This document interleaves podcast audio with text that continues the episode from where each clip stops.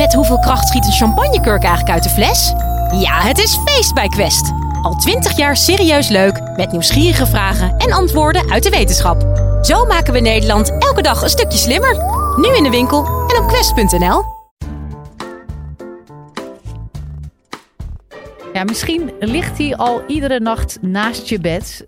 Een honkbalknuppel voor als er een inbreker in je huis staat.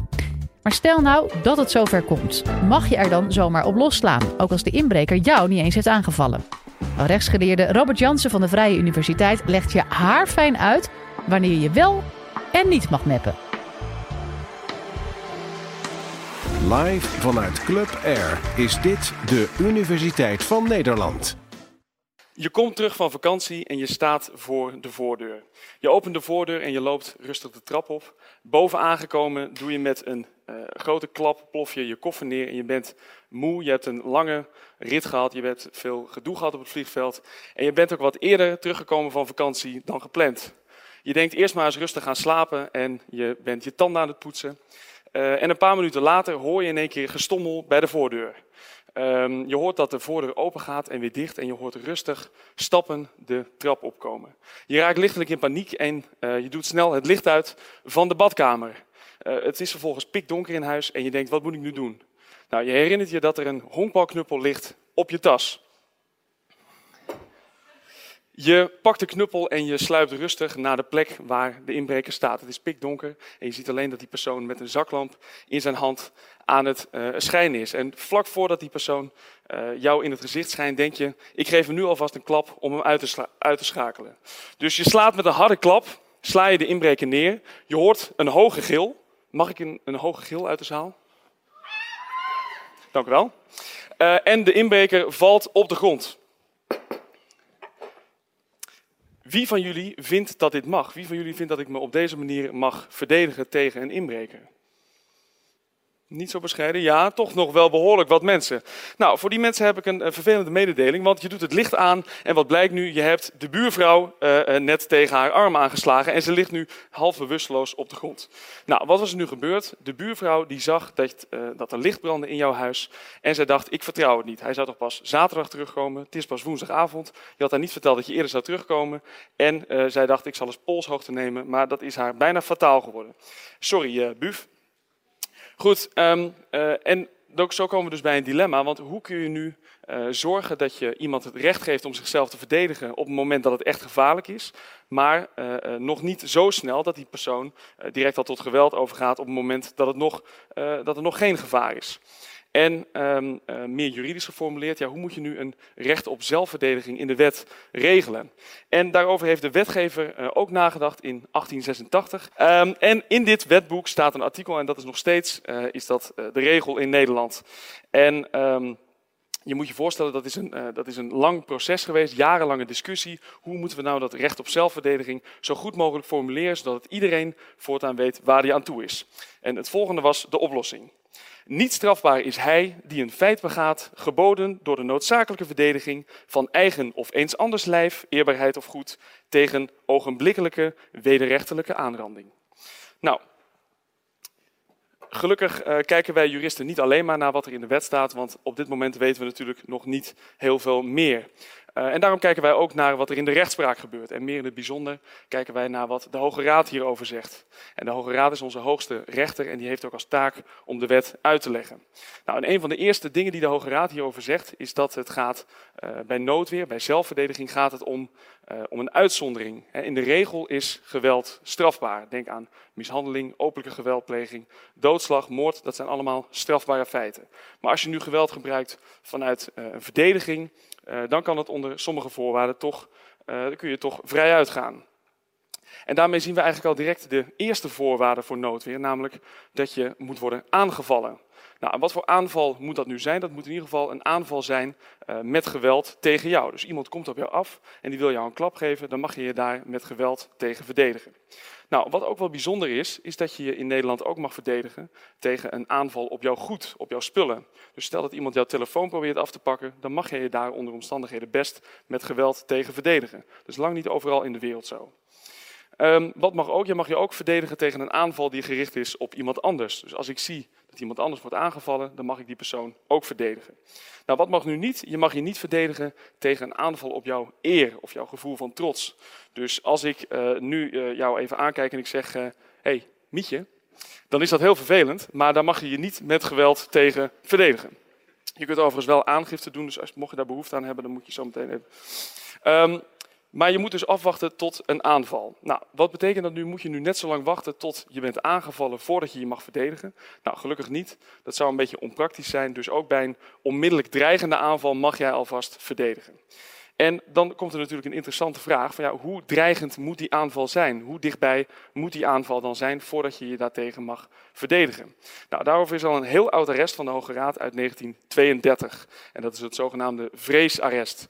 En daarin speelde het volgende: er waren twee buurmannen en die hadden al jarenlang ruzie met elkaar. En ze konden elkaar eigenlijk niet luchten. Maar het was weekend en ze waren allebei in de tuin bezig. De een was bezig in de tuin met die bijl en die wilde naar het hekje toe lopen. En het hekje stond tussen beide erven in. Die andere buurman, die had in zijn handen een hamer, nee sorry, een moker en een stuk ijzer. Wat hij daarmee in de tuin deed, dat weet ik ook nog steeds niet. Maar die was in ieder geval ook in de tuin bezig. En die kwam, uh, terwijl de andere buurman met de bijl naar uh, het hekje toe liep, kwam die uh, man met het ijzer en de hamer kwam naar hem toegelopen. En hij keek hem aan op een manier waarop de man met het bijltje dacht, dit gaat niet goed aflopen. Hij gaat mij vast aanvallen. En om alvast zich te verdedigen, heeft hij toen met de bijl keihard de buurman tegen het hoofd geslagen. Nou, dat vond de officier van justitie niet zo'n goed idee, dus die vervolgde hem voor zware mishandeling. En de rechter vond in dit geval dat hij, dat hij fout had gehandeld en die veroordeelden tot, het, uh, tot een geldboete van het astronomische bedrag van 10 gulden. Nou, daar was hij het natuurlijk niet mee eens en hij, zei, hij ging naar de Hoge Raad en hij zei, ik heb mijzelf uh, terecht verdedigd, ik mag een beroep doen op noodweer.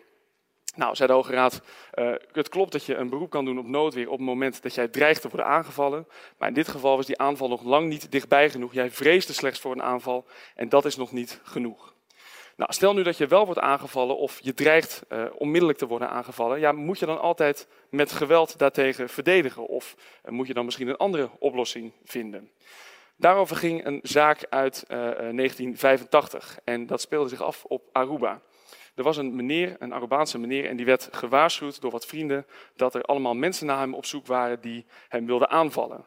Die nog een appeltje met hem wilden schillen. En hij dacht, Um, hoe kan ik mij nu het beste uh, hiertegen verdedigen? Laat ik uh, mij bewapenen met een pistool. Hij had dat pistool had hij in zijn zakje gedaan en hij is toen op zijn schommelstoel gaan zitten. Hij zat in zijn schommelstoel te wachten tot die aanvallers op hem afkwamen. En dat gebeurde ook enkele minuten later. En um, um, er kwam één man, kwam, kwam met een mes naar hem toegelopen en uh, hij stond op uit zijn schommelstoel en schoot direct met het pistool uh, door het hoofd van de man met het mes. Nou, die uh, man met het mes kwam direct te overlijden en de man uit de schommelstoel die werd daarom vervolgd voor doodslag. En hij zei van ja, ik mag mij toch verdedigen, want er dreigde onmiddellijk een aanval. Dus ik mocht toch met geweld verdedigen? Nou nee, zei de Hoge Raad, in zo'n geval moet je misschien uh, op een minder dodelijk deel van het lichaam schieten. Of misschien moet je uh, op het moment dat je wordt gewaarschuwd dat er allemaal mensen naar je toe komen, misschien moet je dan eerst de politie bellen. In sommige gevaarlijke situaties kan het ook verstandiger zijn om je te onttrekken aan die situatie, om te vluchten in plaats van direct tot geweld overgaan. Dus lijkt de boodschap van de Hoge Raad, geweld is niet altijd de oplossing. Het is een uiterste Stel nu dat je wordt aangevallen en geweld is wel geboden. Je kunt de politie niet meer afwachten, je kunt niet meer vluchten. Je moet je met geweld verdedigen. Nou, dat is misschien wel de belangrijkste vraag. Hoeveel geweld mag je dan gebruiken? Hoe moet je je nou verdedigen? Nou, dat hangt natuurlijk af van de manier waarop je wordt aangevallen. En het ligt voor de hand dat je in ieder geval hetzelfde geweld mag gebruiken. Dus als iemand jou een klap geeft, dan mag je in ieder geval een klap teruggeven. Um, maar dat is niet in alle gevallen is dat zo strikt. Het kan natuurlijk zijn dat een enorm grote inbreker, inbreker ongewapend naar een oude vrouw toe komt. En uh, die oude vrouw die heeft niet veel meer dan een keukenmes of zelfs een vuurwapen bij zich. Zelfs dat kan onder sommige omstandigheden best een proportionele, best een redelijke verdediging zijn. En omgekeerd kan het natuurlijk zo zijn dat als een ervaren kickboxer een klap krijgt op straat, ja, dat het niet altijd verstandig is dat die persoon ook direct een, klap teruggeeft. Want die laatste kan misschien wel eens een dodelijke klap teruggeven. Dus die omstandigheden van het geval die zijn ook steeds relevant bij de beoordeling of iemand een beroep kan doen op noodweer, op zelfverdediging.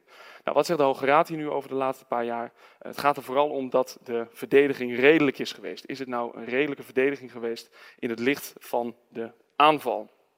En daarbij wordt natuurlijk meegenomen dat uh, het initiatief altijd uitgaat van de aanvaller. dus als ik word aangevallen, dan heb, ik, dan heb ik maar een paar seconden om te bedenken wat nu uh, de juiste verdediging is. Nou, daar wordt best rekening mee gehouden.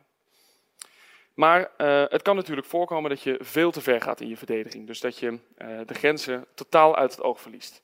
Ja, hoe moet je daar nu mee omgaan? Hoe moet de rechter daar nu mee omgaan? Er was een mevrouw die was aan het wachten op de lift en er kwamen twee mannen op haar afgerend. En zij had een tasje in haar handen en een pistool in het andere hand. Nou, zij werd door de een overvaller werd zij naar achter gehaald en door de andere overvaller eh, werd haar tasje geprobeerd af te pakken.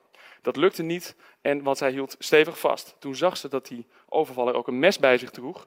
En daarop heeft zij eerst een waarschuwingsschot in de lucht gelost. Maar die aanvaller die hield niet op. En daarop heeft ze nog een keer geschoten in het lijf van de aanvaller. En hij droop af en uh, op dat moment uh, hield ook die andere overvaller, die liet haar los en zij viel daardoor op de grond. En ze hoopte, nu is het klaar. Maar nee, die overvaller die kwam nog weer terug en uh, die heeft daar bij haar jas gepakt. Nou, op dat moment werd zij zo ontzettend angstig dat zij dacht, ik kan niks anders doen dan mij nu opnieuw met een, met een schot verdedigen. Nou, die man is neergeschoten en die is eerst nog met het tasje gevlucht, maar enkele minuten later kwam hij te overlijden. Deze mevrouw werd ook vervolgd voor doodslag en poging tot doodslag. Je rechtsgevoel zegt, ja, deze mevrouw kan hier toch niks aan doen. Maar ja, als we net de voorwaarden van noodweer hebben gezien, uh, dit is natuurlijk niet echt meer een redelijke verdediging. Dit is natuurlijk niet meer echt een verdediging die in verhouding staat tot de aanval, misschien op haar jas of op haar tasje. Nou, daarvoor heeft de wetgever gelukkig een, een, andere oplossing gevonden, namelijk noodweer excess. En dat betekent dat als jij de grenzen enorm overschrijdt, maar dat komt dat doordat jij zo angstig bent geworden, of doordat je zo boos bent geworden door die aanval, ja, dan kun je alsnog vrij uitgaan.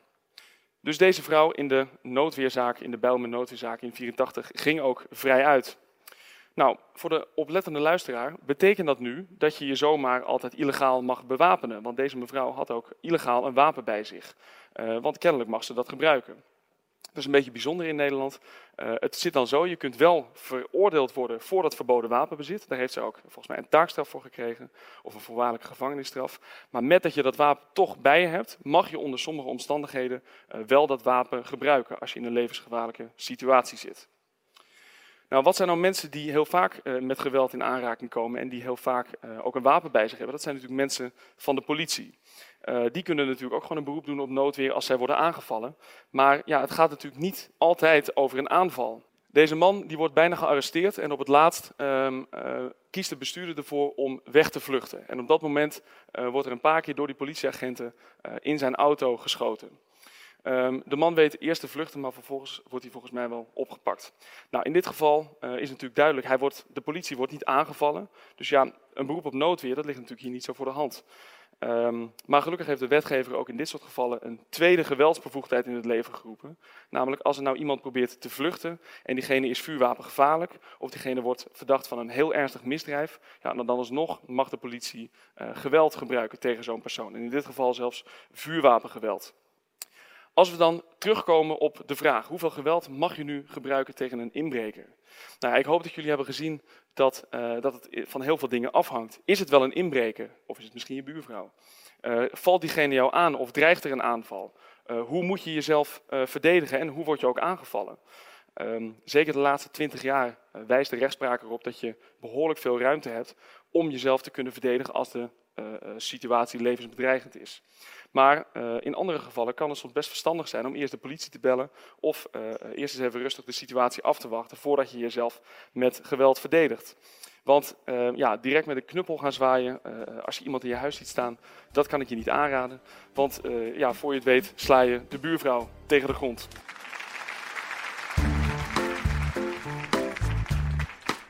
Dit was de Universiteit van Nederland. Wil je nou nog meer afleveringen beluisteren? Check dan de hele playlist en ontdek het antwoord op vele andere vragen.